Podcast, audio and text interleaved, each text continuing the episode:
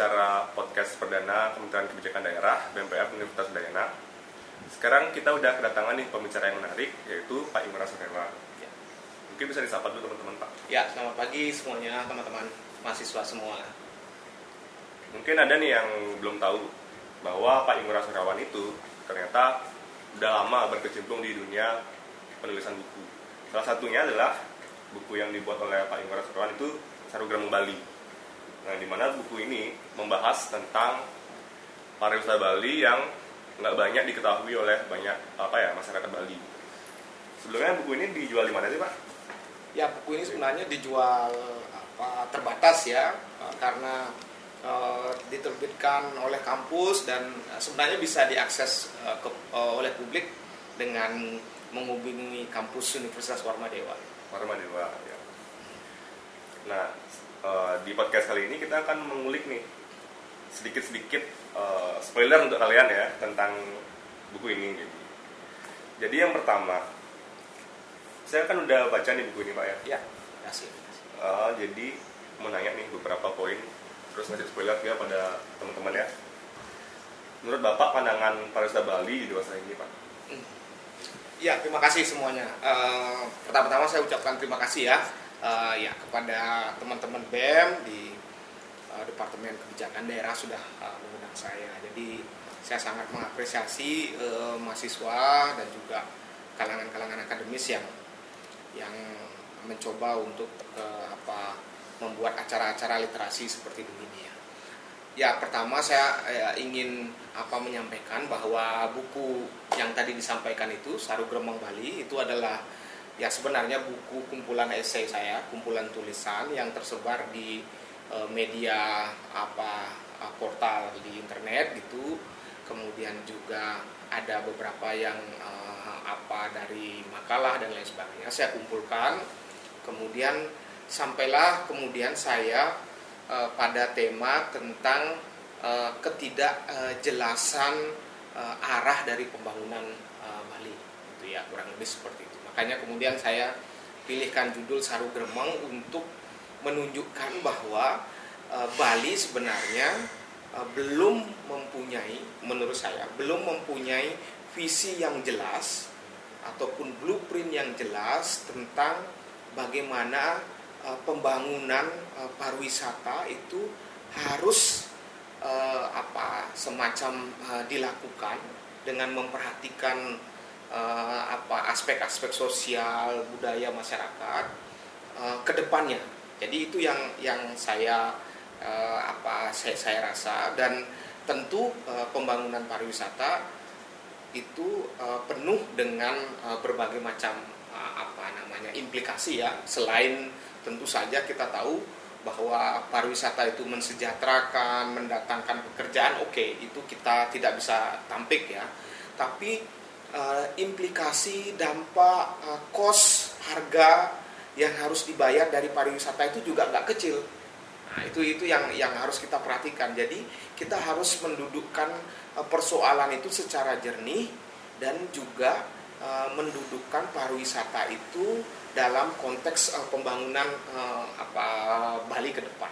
Nah, bagaimana pariwisata uh, Bali kini ya? Menurut saya saya bukan uh, ahli dalam ilmu pariwisata, tapi saya belajar antropologi, sejarah, politik. Uh, saya melihat uh, bahwa hingga kini belum ada semacam reorientasi arah uh, pembangunan pariwisata setelah uh, konsep tentang pariwisata budaya. Jadi kalau kita tahu bersama uh, konsep pariwisata budaya itu digunakan sebagai payung utama. Saya kira uh, uh, kini dalam pemerintahan Gubernur Koster itu sudah dibuat semacam perda yang mengatur tentang arah pembangunan pariwisata, tapi visinya ke depan itu masih konsep tentang pariwisata budaya itu tidak diganggu gugat. Jadi masih tetap seperti begitu. Tapi realitasnya seperti apa? Ya, realitasnya seperti apa? Fakta yang ada di lapangan seperti apa? Kita tahu bersama misalnya sekarang pariwisata itu menjadi salah satu moda produksi e, masyarakat Bali yang utama.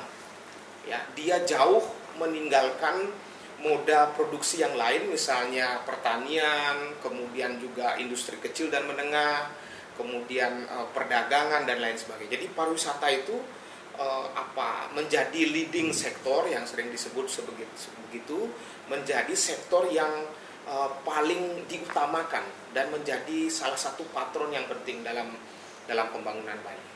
Nah, karena dia menjadi sektor yang uh, menjadi uh, apa fokus utama, akhirnya lini-lini yang lain itu uh, menjadi semacam supporting system dari pariwisata. Ya, misalnya pertanian, UMKM, kemudian perkebunan dan lain sebagainya itu menjadi sektor yang mendukung pariwisata dan kita tahu bersama bahwa e, pariwisata itu hanyalah salah satu apa semacam kegiatan ekonomi yang memang sangat fragile, sangat rentan dan dia membutuhkan supporting e, sektor dari sektor sektor-sektor yang lain yang saya sebutkan tadi. Nah, bagaimana pariwisata Bali ke depan? Nah, problemnya adalah ketika pariwisata itu ambruk begitu kita tidak mempunyai semacam alternatif yang e, mampu untuk e, membuat masyarakat itu nyaman ataupun bisa e, bertahan meskipun pariwisata itu hancur. Itu sekarang. Pandemi saya kira memberikan kita pelajaran bahwa kita harus berpikir ulang tentang ke depan itu Bali apakah bisa melampaui pariwisata. Jadi Bali harus memikirkan ke depan blueprint visi kebijakan ke depan untuk tidak tergantung dengan pariwisata. Problemnya juga adalah yang kedua, menurut saya selain visi ke depan itu adalah uh, pariwisata karena karakteristik kegiatan ek ekonominya yang sangat ekspansif, ekspansif dalam artian dia sangat memerlukan daerah-daerah baru, wilayah-wilayah baru dan lain sebagainya. Ya, semisal kalau di Bali kita tahu Kuto sudah jenuh, dia kemudian menggeser uh, ekspansi uh, wilayah ke uh, Canggu misalnya, ke Kerobokan. Canggu sudah uh, apa jenuh, geser lagi uh, ke tempat yang lain sampai dengan misalnya ke Tabanan, Seminyak dan lain sebagainya, misalnya seperti begitu. Nah, problemnya adalah pariwisata itu sangat rakus dengan lahan karena apa? Karena dia memerlukan uh, apa semacam uh, tempat baru, kemudian hal uh, hal baru, uh, infrastruktur yang baru. Kalau kita tahu bersama ya, uh, banyak villa, resort yang kemudian melahap lahan pertanian dan lain sebagainya dikerobohkan macam-macam ya kita tahu bersama. Nah, konsekuensinya adalah uh, ruang uh, hidup orang Bali itu sekarang dikelilingi uh, dengan infrastruktur pariwisata. Ya, kita suka tidak suka, kemudian uh, jujur atau tidak jujur mengakui hal itu ya. Sekarang kita tahu bersama bagaimana misalnya ruang hidup orang Bali disesaki oleh infrastruktur pariwisata. Itu yang kedua. Dan yang ketiga, yang uh, sangat penting menurut saya adalah uh, fenomena bagaimana sekarang pariwisata itu mengarah kepada uh, perdesaan wilayah-wilayah desa ya, yang sering disebut sekarang dengan konsep desa wisata, ekowisata dan lain sebagainya. Sekarang uh, pariwisata menyasar wilayah-wilayah perdesaan, kemudian dan berkeinginan untuk menyulap uh, wilayah perdesaan sebagai wilayah uh, pariwisata.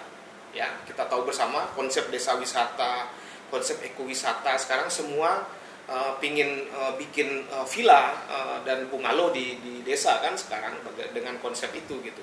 Nah pertanyaan pentingnya adalah sekarang apakah uh, di tengah uh, setting pariwisata massal yang ada di Bali sekarang, ini kan kita bicara tentang pariwisata massal ya, mass tourism ketika yang terpenting itu adalah berapa kunjungan wisatawan yang masuk berapa yang mereka belanjakan, dan uh, bagaimana uh, roda perekonomian berputar di Bali. Itu karakteristik mass tourism. Jadi kalau kita uh, lihat misalnya sekarang di media massa dan lain sebagainya, uh, pemerintah dan pelaku pariwisata pasti sangat bi bilang ya, kita kunjungan wisatawan uh, tahun ini berapa dan lain sebagainya. Jadi hitungan-hitungan seperti begitu. Berapa mereka uh, menghabiskan uang di sini dan lain sebagainya. Pertanyaannya adalah kemudian bagaimana uh, cost harga yang ditanggung oleh Bali. Ya. Ke depan kita harus berpikir apakah kita bisa meorientasi, mereorientasi? Ya apa me apa bisa dibilang itu adalah kembali untuk memikirkan arah pariwisata Bali ke depan pasca pandemi itu yang betul-betul quality tourism misalnya. Ya yang betul-betul memegang teguh prinsip ekowisata dengan tidak merusak alam dan lain sebagainya di tengah setting ataupun kondisi sekarang pariwisata Bali yang masih pariwisata massal. Itu sebenarnya uh, pertanyaan yang uh, apa uh, penting dan juga sulit dijawab oleh semua kalangan.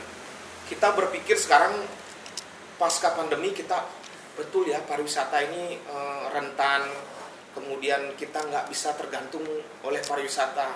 Tapi pertanyaannya kita bisa merubah orientasi nggak sekarang jadi lebih kepada e, tidak berpikir banyak turis yang datang tapi turis yang sedikit ya tapi berkualitas orangnya intelek begitu misalnya kemudian e, dia pariwisatanya mahal, bukan murahan seperti sekarang. Ya, sekarang kan karena massal jadinya murah pariwisatanya. Kalau kita misalnya uh, apa ada pengalaman ke uh, berwisata ke tempat daerah negara-negara lain kan seperti itu. Kecil tapi dia mahal. Ya, tapi berkualitas. Dan tentu saja yang paling penting adalah menghargai alam. Menghargai alam. Nah, ini pertanyaan besar juga untuk Bali. Apakah pariwisata selama ini respect ataupun juga uh, apa menghargai alam? Ya, saya kira jawabannya pasti tidak ya karena sangat mengeksploitatif. Jadi itu yang yang ingin saya sampaikan. Menarik sih soal menghargai alam. Mengingat waktu awal pariwisata Bali itu sebenarnya turis-turis itu memulai ketertarikan ke Bali itu karena alamnya. Persis, persis. Ya, ya, ya. Uh, tapi kenyataannya seiring perkembangan pariwisata itu malah mulai mengikis apa ya kayak keasralan Bali. Ya, ya, ya terutama soal sawah-sawah nih pak. Ya, ya, ya. Menurut bapak gimana sih? Kenapa bisa apa ya kayak sawah-sawah yang sebenarnya mm -hmm. itu yang menjadi ciri khas Bali ya, yang ya. memicu ketertikan pariwisata Bali itu malah semakin lama semakin dihilangkan gitu pak. Ya, ya, ya. Ya betul ya. Kalau kita bicara masalah uh, sawah, kemudian juga uh, uh, subak dan lain sebagainya. Kalau kita baca misalnya prasasti-prasasti tentang kejayaan Bali dan uh, genuinnya pengetahuan Bali kan itu kita tahu bersama ya bahwa Subak itu adalah salah satu lokal genius kejeniusan lokal bagaimana leluhur Bali itu mengelola uh, sumber daya alamnya dalam hal ini adalah pertaniannya untuk menghidupi bukan hanya dirinya sendiri tapi juga uh, anak cucunya dan lain sebagainya.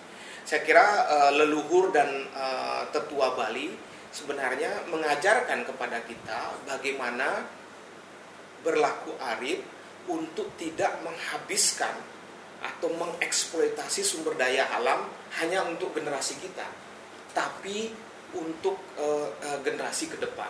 Ya.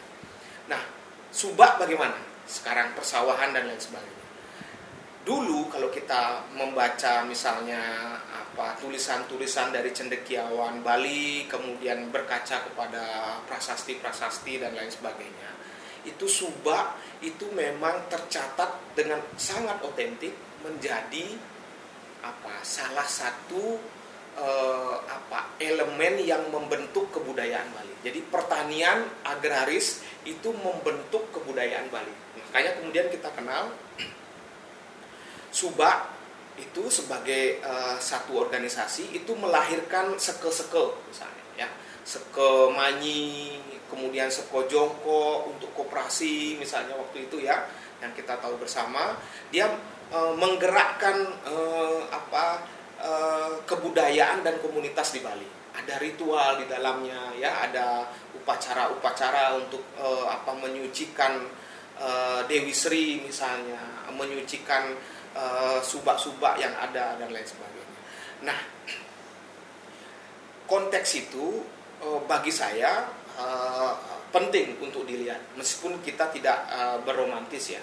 Tapi kemudian kalau kita tahu bersama pada rezim uh, pemerintahan Orde Baru begitu di rencana uh, apa pembangunan lima tahun repelita dan lain sebagainya yang kemudian menjadi uh, apa ideologi itu adalah kemajuan ya namanya itu adalah uh, pertumbuhan ekonomi modernitas.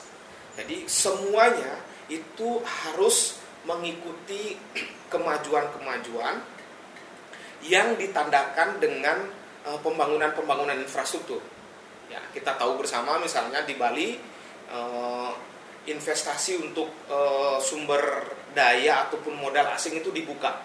Ya, kalau kita membaca membalik-balik kembali catatan sejarah tentang masuknya kapitalisasi pariwisata di Bali ya ketika penanaman modal asing itu dibuka.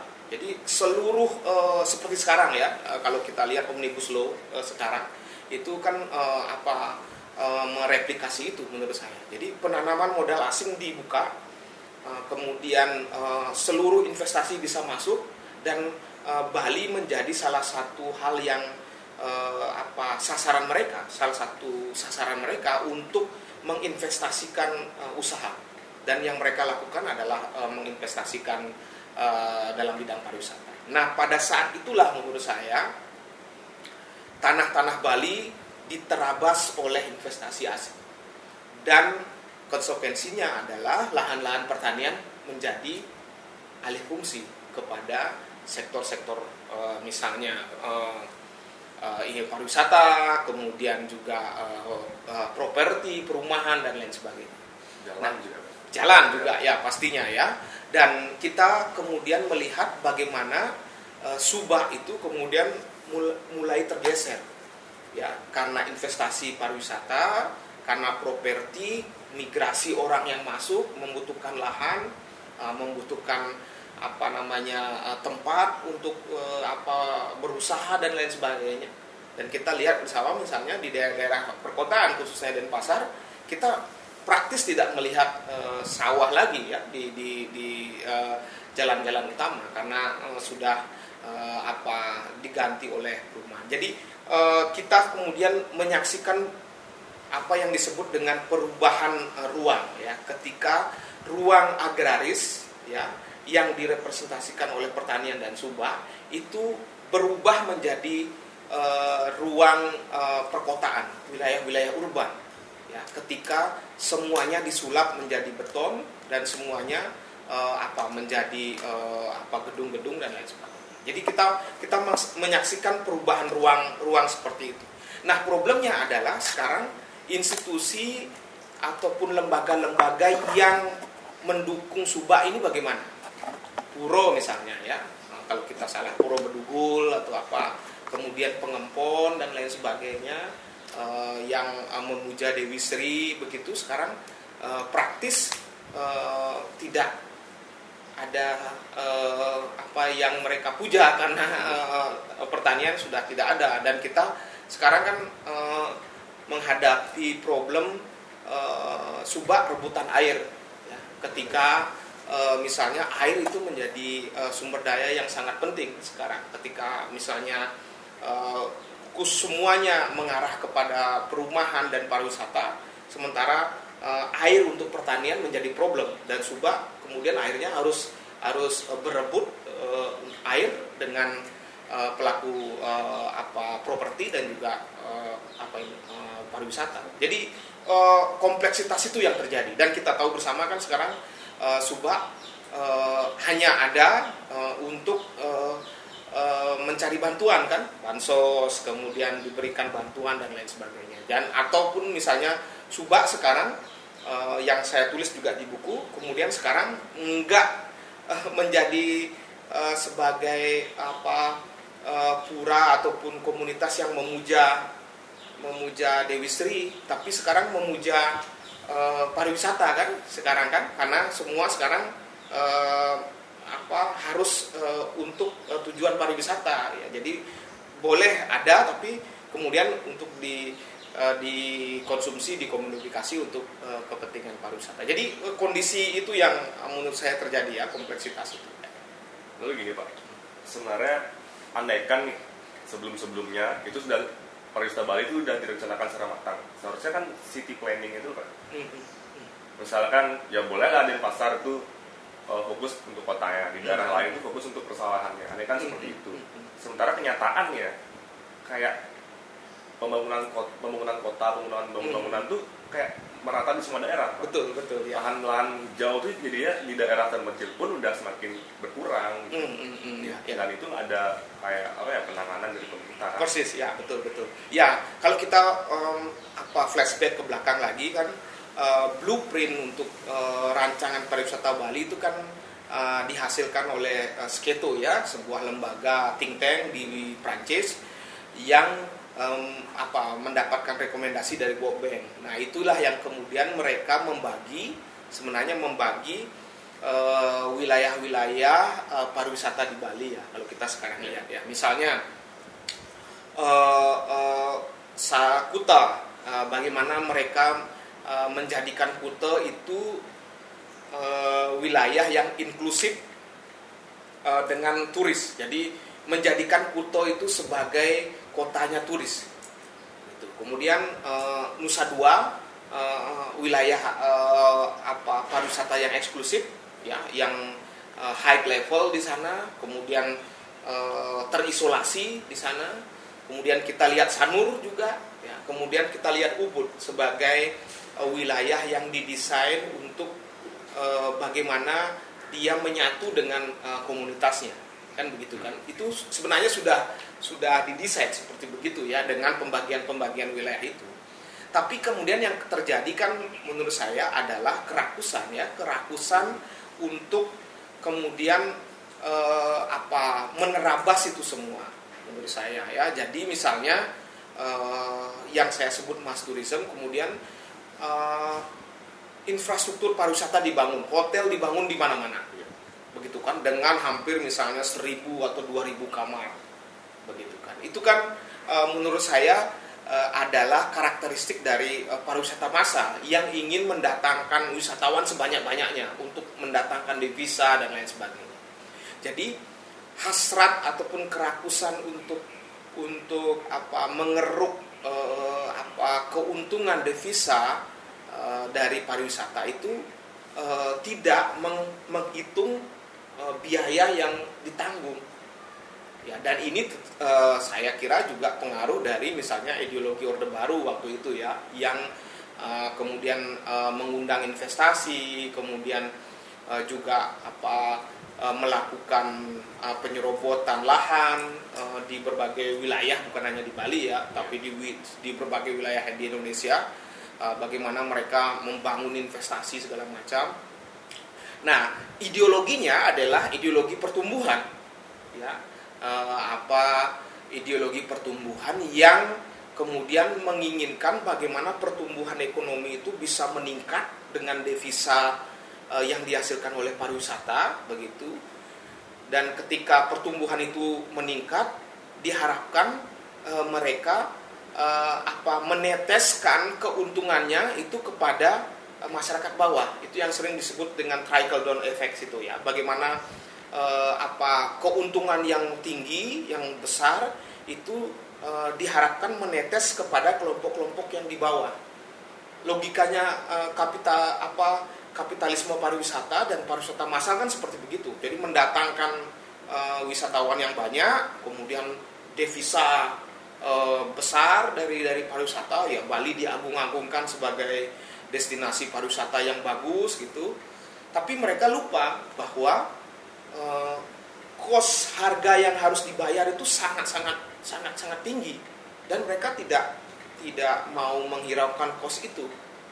Itu itu karakteristik dari uh, kapitalisme ya kapitalisme pariwisata. Jadi dia berpikir uh, kemajuan pertumbuhan tapi uh, lupa untuk melihat uh, dampaknya makanya studi-studi uh, ini menurut saya sangat menarik ya sekarang ada satu menurut saya perspektif yang bagus ya untuk kalian uh, dan juga teman-teman mahasiswa uh, lihat ada satu sekarang perspektif yang namanya degrowth. Degrowth itu adalah perspektif yang melihat bagaimana kemajuan ideologi kemajuan itu harus ditandingi dengan ideologi ataupun perspektif cara berpikir yang mengutamakan ataupun memberikan e, pemerataan terhadap masyarakat. Dalam hal ini adalah bagaimana ideologi apa ideologi besar begitu e, apa namanya e, yang berperspektif e, kemajuan ataupun pertumbuhan itu harus kita imbangi dengan e, apa semacam perspektif yang e, apa mem mementingkan uh, pemerataan, kemudian kesejahteraan bersama, keadilan bersama. Ya itu yang sering uh, sekarang disebut dengan uh, degrowth itu. Itu yang sekarang dikembangkan oleh uh, para aktivis, akademisi yang kemudian ya berkolaborasi dengan saya kira uh, pemilik pemilik modal yang memiliki pemikiran progresif ya saya kira. Lalu selain pariwisata yang ternyata mengikis Bali, ada juga um, faktor lain gitu ya hmm. ritual gitu. ritual hmm. masyarakat Bali jadi menurut bapak nih seperti apa yang di buku kan ya, ya. kenapa sih ritual ritual masyarakat Bali itu bisa dibilang uh, faktor juga untuk mengikis sosok di Bali itu. Hmm, hmm, hmm. ya uh, jadi uh, beban orang Bali itu kan ini saya sangat berat ya. Beban dalam alam Bali itu sangat berat. Uh, apa manusia Bali itu sangat berat karena uh, dia harus apa mempraktikkan uh, apa ritual yang uh, menurut saya sangat berkaitan dengan penghormatan mereka terhadap leluhur dan tradisi dan lain sebagainya. Kita tahu bersamalah itu. Nah, uh, tapi masalahnya adalah uh, dunia ataupun uh, uh, apa perkembangan itu tidak bisa dihentikan kan. Kalau dulu misalnya kita masih melihat ketika masyarakat masih agraris, kita masih melihat uh, sumber ataupun bahan ritual bisa kita lihat, bisa kita ambil di lingkungan kita ya. Tapi sekarang kan uh, itu tidak bisa ya. Kemudian uh, ketika misalnya pariwisata tadi saya bilang, kemudian hutan, kemudian juga Eh, persawahan, pertanian itu diganti dengan misalnya perumahan dan lain sebagainya. Nah, eh, ritual sekarang menghadapi tantangan bagaimana beradaptasi dengan perubahan ini, perubahan masyarakat yang dari agraris ke modern. Ya. Nah, tantangan itu sebenarnya sudah direspon oleh beberapa kalangan menurut saya yang kemudian uh, apa memikirkan untuk mereorientasi ritual. Jadi tidak ritual yang tidak megah begitu, kemudian tapi esensinya eh, apa masih terrepresentasi, masih diwakili begitu.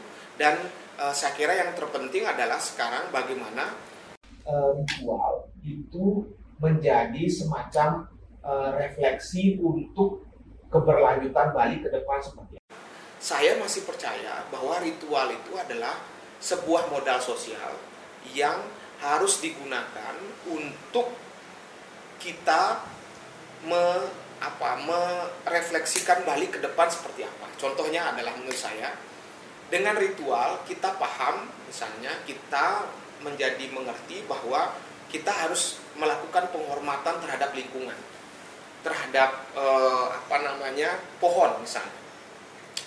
Ritual ritual itu maknanya seperti itu tapi perilaku kita tidak seperti begitu. Itu itu problemnya ya.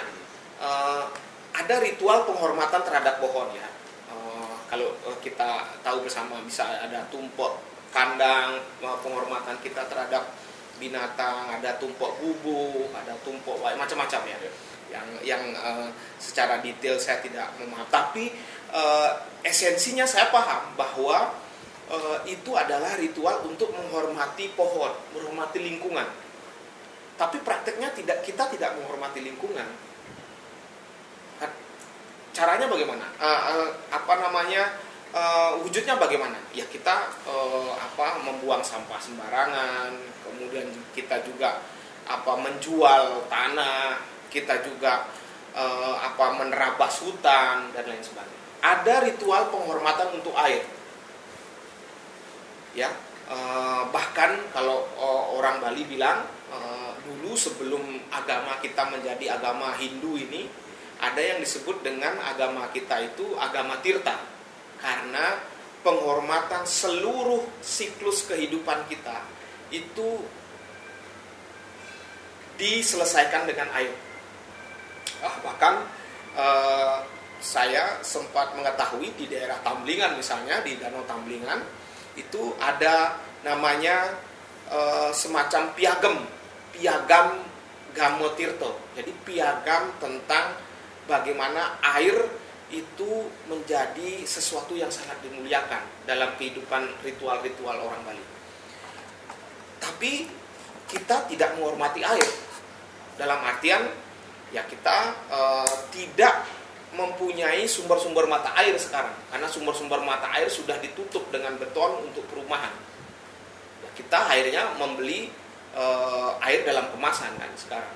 Kalau dulu kita lihat misalnya ada eh, apa namanya semacam eh, bulaan, kemudian ada sumber-sumber mata air yang eh, kemudian kita kita dapat misalnya di sekitar wilayah kita.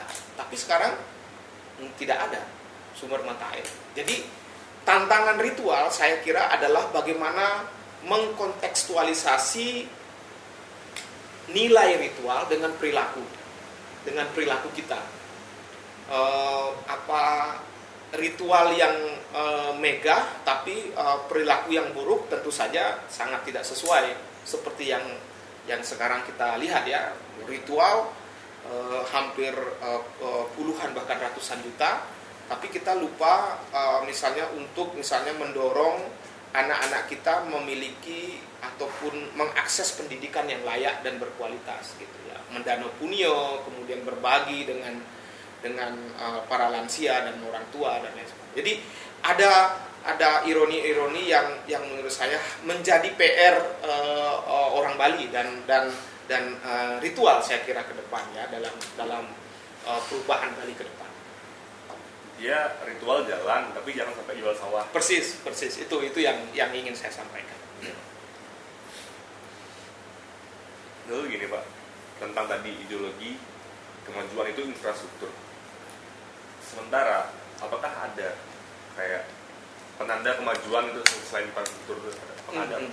Ya, eh, salah satunya adalah eh, generasi muda menurut saya ya, generasi muda yang kreatif, kemudian generasi muda yang kritis dan generasi muda yang eh, engage ataupun terlibat dalam eh, dalam eh, apa perubahan sosial ataupun juga eh, terlibat dalam eh, apa situasi yang dialami oleh masyarakat. Ya, jadi selain eh, bersifat fisik eh, berupa kemajuan, ada jalan tol, kemudian eh, mall terbangun macam-macam. Salah satu penanda penanda eh, peradaban menurut saya itu adalah eh, ketika generasi mudanya terlibat dalam gerakan perubahan sosial. Ya di samping itu juga menurut saya yang tidak kalah pentingnya adalah eh, meningkatnya eh, apa pendidikan dan literasi ya.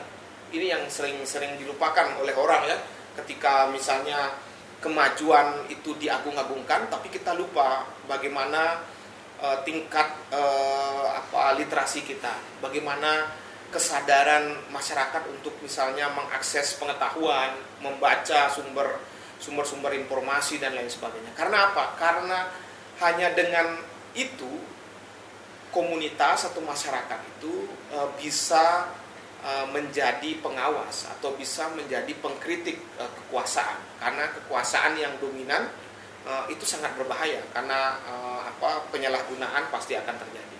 Jadi menurut saya sekarang yang lebih penting untuk kita di Bali adalah memperkuat masyarakat sipil ini, memperkuat civil society, baik itu generasi mudanya, kemudian masyarakatnya, agar uh, mampu uh, melakukan uh, kritik terhadap kekuasaan. Nah itu yang menurut saya uh, apa kurang begitu uh, terjadi di Bali ya. Ketika komunitas-komunitas uh, masyarakat sipil ini ter apa dengan kekuasaannya.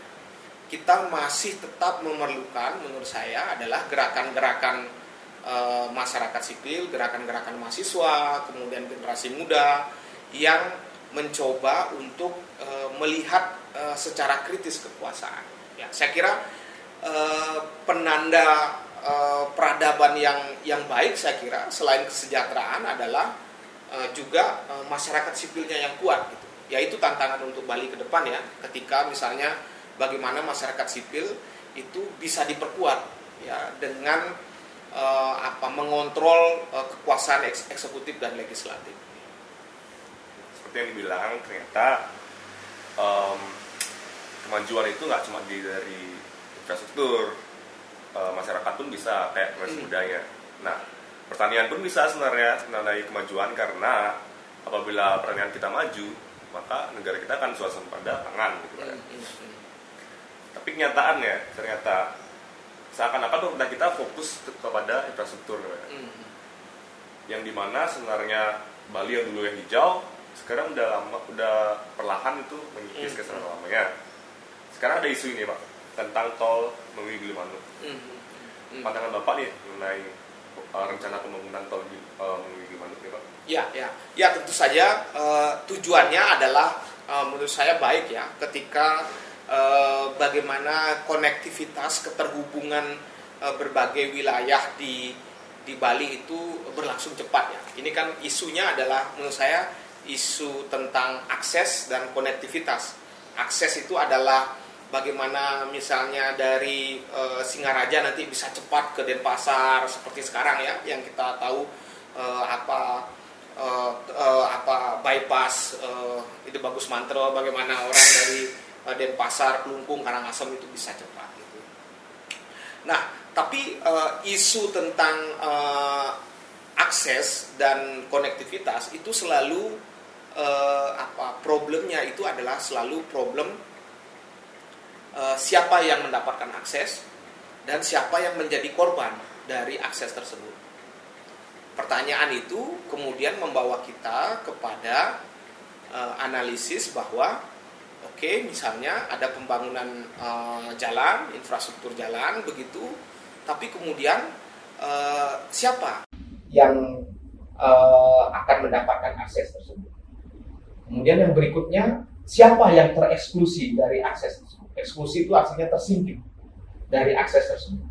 Ya tentu di sini adalah menurut saya adalah komunitas-komunitas masyarakat yang uh, memiliki lahan di sekitar itu dan tidak mungkin dan uh, tentu saja uh, mungkin di sana terdapat lahan-lahan pertanian dari masyarakat. Jadi uh, menurut saya uh, pembangunan infrastruktur jalan itu uh, apa tujuannya itu pasti uh, dua itu konektivitas dan akses. Uh, tapi kemudian uh, pertanyaan lanjutannya adalah apakah uh, apa itu kemudian uh, memiliki dampak uh, apa terhadap masyarakat secara luas? Bagaimana misalnya dengan masyarakat-masyarakat uh, yang uh, apa memiliki lahan di sekitar itu dan harus menyerahkan lahannya terhadap terhadap pembangunan jalan itu kan lagi lagi sawah lagi yang mana ya, ya dan kita tahu bersama bahwa uh, ya resiko dari dari pembangunan infrastruktur tentu saja pasti akan menerabas lahan ya dan itu kita harus memperhatikan bagaimana uh, masyarakat uh, bisa survive ataupun bisa uh, bertahan di tengah di tengah masa pandemi seperti ini. Jadi uh, kembali lagi adalah uh, kita uh, apa uh, bisa mengkritisi hal itu, bisa bisa mengkritisi uh, pembangunan itu, tapi uh, kita juga harus uh, melihat bahwa uh, masyarakat menjadi hal yang penting untuk untuk di, diperhatikan dalam hal ini ya. Apakah mereka menyetujui apakah mereka uh, apa menggantungkan hidupnya dengan lahan pertanian yang akan dijadikan jalan itu bagaimana dan lain sebagainya gitu ya. Ketika misalnya sekarang pada masa pandemi uh, masyarakat Bali begitu begitu susah untuk hidup dan kita sekarang uh, kembali ke desa kan. Sekarang untuk untuk bisa bertahan hidup dari desa. Saya kira. Apa nih kan pembangunan perencanaan itu di masa pandemi. Ya, ya. Kita lihat masyarakat itu kan memang kayak lagi susah gitu loh ya. Nah, pas ada pembangunan ini kan pastilah mereka menyerahkan lahannya untuk survive itu. Ya. Nah, eh, menurut saya pribadi itu sih kesengajaan hmm. dari pemerintah. Ya, ya, ya, ya, pasti, pasti. Ya, membuat membuat masyarakat terdesak ya, iya. ya uh, tidak ada pilihan dan lain sebagainya. Ya, kita lihat tapi uh, saya kira memang uh, apa yang menjadi isu adalah uh, persis seperti yang uh, tadi kita diskusikan yaitu adalah uh, isu tentang uh, pembangunan kemajuan infrastruktur itu dan sebagainya. Dan kita lupa bahwa di balik semua itu uh, tadi saya sampaikan yang juga tidak kalah pentingnya adalah bagaimana civil society masyarakat ini uh, bisa apa bisa kuat kan begitu ya sekarang ya tidak silau dengan tidak silau ataupun tidak uh, ngon gitu kayak kalau orang Bali itu uh, kayak apa namanya ngon dengan dengan kemajuan dengan pembangunan yang megah begitu ya. Tapi uh, dia harus kuat secara secara uh, internal dalam. Jadi bagaimana civil society atau masyarakat Bali ini harus harus kuat uh, dan juga harus uh, mampu untuk melakukan kritik terhadap uh, apa eksekutif dan legislatif. Ya, saya kira itu yang yang, yang penting. Jadi uh, ya oke okay, isu kemajuan ataupun pembangunan itu penting, tapi sekali lagi jangan silau dan ngon itu. Tapi kita kita coba mengkritisi itu, kita coba apa uh, menguatkan masyarakat sipil kita dan kita coba untuk uh, melakukan uh, kritik terhadap kekuasaan agar kekuasaan itu tidak sewenang-wenang kan Terakhir ya Pak. Ya, silakan. Um, pandangan Bapak dan uh, resolusi untuk hmm. pariwisata Bali ke depan. Ya. Yang sudah terlanjur nih ke Bali. Oke. Okay. Hmm. Ya, saya ada ada dua hal. Yang pertama uh, Bali, pemerintah, masyarakat sipilnya secara bersama-sama itu harus melakukan reorientasi uh, pariwisata. Reorientasi maksud saya? Adalah melakukan kajian ulang tentang visi ke depan pariwisata Bali seperti apa. Tentu uh, kita pada masa pandemi ini uh, belajar bahwa pariwisata uh, tidak bisa dijadikan satu-satunya pegangan ataupun tiang penyangga saat uh, Bali ataupun dunia mengalami krisis. Kita harus me meorientasi, mereorientasi itu uh, pembangunan Bali ke depan dengan memikirkan alternatif uh, apa sektor selain pariwisata. Apa itu? Ya kita harus melakukan kajian uh, terhadap hal itu ya.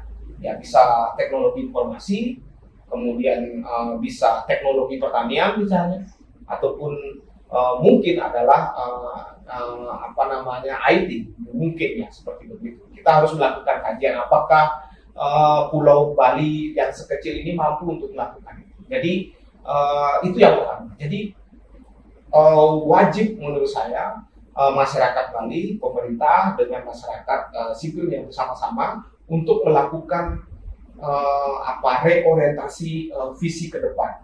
Itu ya itu sebagai sebagai sebuah apa solusi konseptual.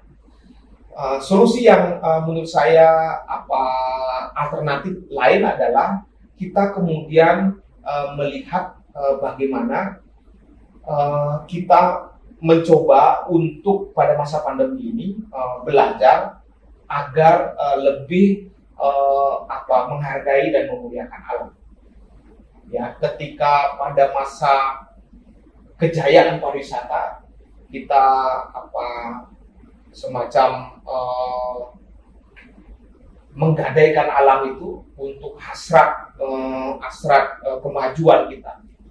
Tapi pada masa pandemi menurut saya adalah turning point, titik uh, uh, apa lenting yang menurut saya sangat baik untuk kita berefleksi agar uh, kita lebih uh, menghargai dan memuliakan alam. Ya, dalam hal apa? Dalam hal sekarang ketika kita uh, apa uh, terpuruk, kita tidak berharap kita tidak bisa berharap begitu besar terhadap pariwisata, kita kembali ke alam. Misalnya di Nusa Penida misalnya sekarang kembali menanam jagung, menanam porang. Di Buleleng misalnya para pekerja pariwisata yang di PHK karena pandemi eh, balik ke ke desanya menanam sayur di sana kemudian kembali uh, menanam uh, apa tumbuhan ataupun tanaman-tanaman uh, perkebunan di sana. Saya kasihan sih sama mereka yang terlanjur jual sawahnya. Iya betul persis. Ya itu yang tanah itu kan uh, ya kalau saya lama di Papua ya tanah itu adalah uh, harkat dan harga diri ya hmm. menurut mereka dalam uh, pengetahuan pengetahuan tradisional. Jadi pantang bagi mereka sebenarnya untuk me, apa menjual uh, harga diri dan harga mereka. Jadi uh, itu yang uh, yang yang yang terpenting. Nah uh, menurut saya uh, memuliakan dan dan uh, menjaga uh, alam itu uh, dan sumber kehidupan kita uh, dari alam itu terbukti pada masa pandemi sekarang ya ketika tanah begitu sangat penting artinya dan kemudian pariwisata hanya kamuflase hanya apa namanya hanya uh, nikmat sesaat begitu dan yang terpenting menurut saya adalah perspektif yang juga penting adalah bahwa kita itu adalah bagian dari alam. Bukan kita yang mengatur alam. Jadi kita itu adalah uh, apa uh, bagian dari semesta ini semua. Jadi kita harus harus uh, memahami itu sebagai sebuah prinsip. Jadi ketika manusia itu mengatur alam, alam itu pasti akan rusak. Jadi cobalah kita berpikir untuk kita ini adalah bagian dari alam itu yang uh, yang yang kedua. Dan juga yang tidak kalah penting yang menurut saya adalah uh, seperti yang tadi kita diskusikan perkuat civil society perkuat masyarakat masyarakat sipil kita. Di situ peranan mahasiswa di situ peranan uh, apa namanya pers di sana juga di, di situ juga peranan akademisi dan lain sebagainya. Untuk uh, kita melakukan kritik terhadap uh, eksekutif dan legislatif terhadap kekuasaan ya dalam hal itu. Dan itu PR PR yang sangat penting untuk untuk untuk bagi ke depan dan juga saya kira untuk untuk negara ini ke depan ya agar agar bisa bangkit uh, apa uh, pada pada masa post pandemi. Saya kira itu. Terima kasih. Ya bagi kalian yang masih penasaran ya sama isi buku ini bisa ke kampus Dewa ya. Ya, ya. Beli di sana ya. Selebihnya ada sebenarnya uh, masih banyak yang dibahas di buku ini walaupun sekarang cuma ditulis di kulit ya, sedikit aja ya. Baik. Jadi sekian uh, podcast sesi pertama Kementerian Kebijakan Daerah. Terima kasih untuk Pak Timuran Surawan ya. Sama-sama. Banyak dan isi acara ini Pak ya. Ya, ya, ya. Sama-sama. Sukses ya. Dadah. Terima kasih semuanya. Terima kasih semuanya teman-teman.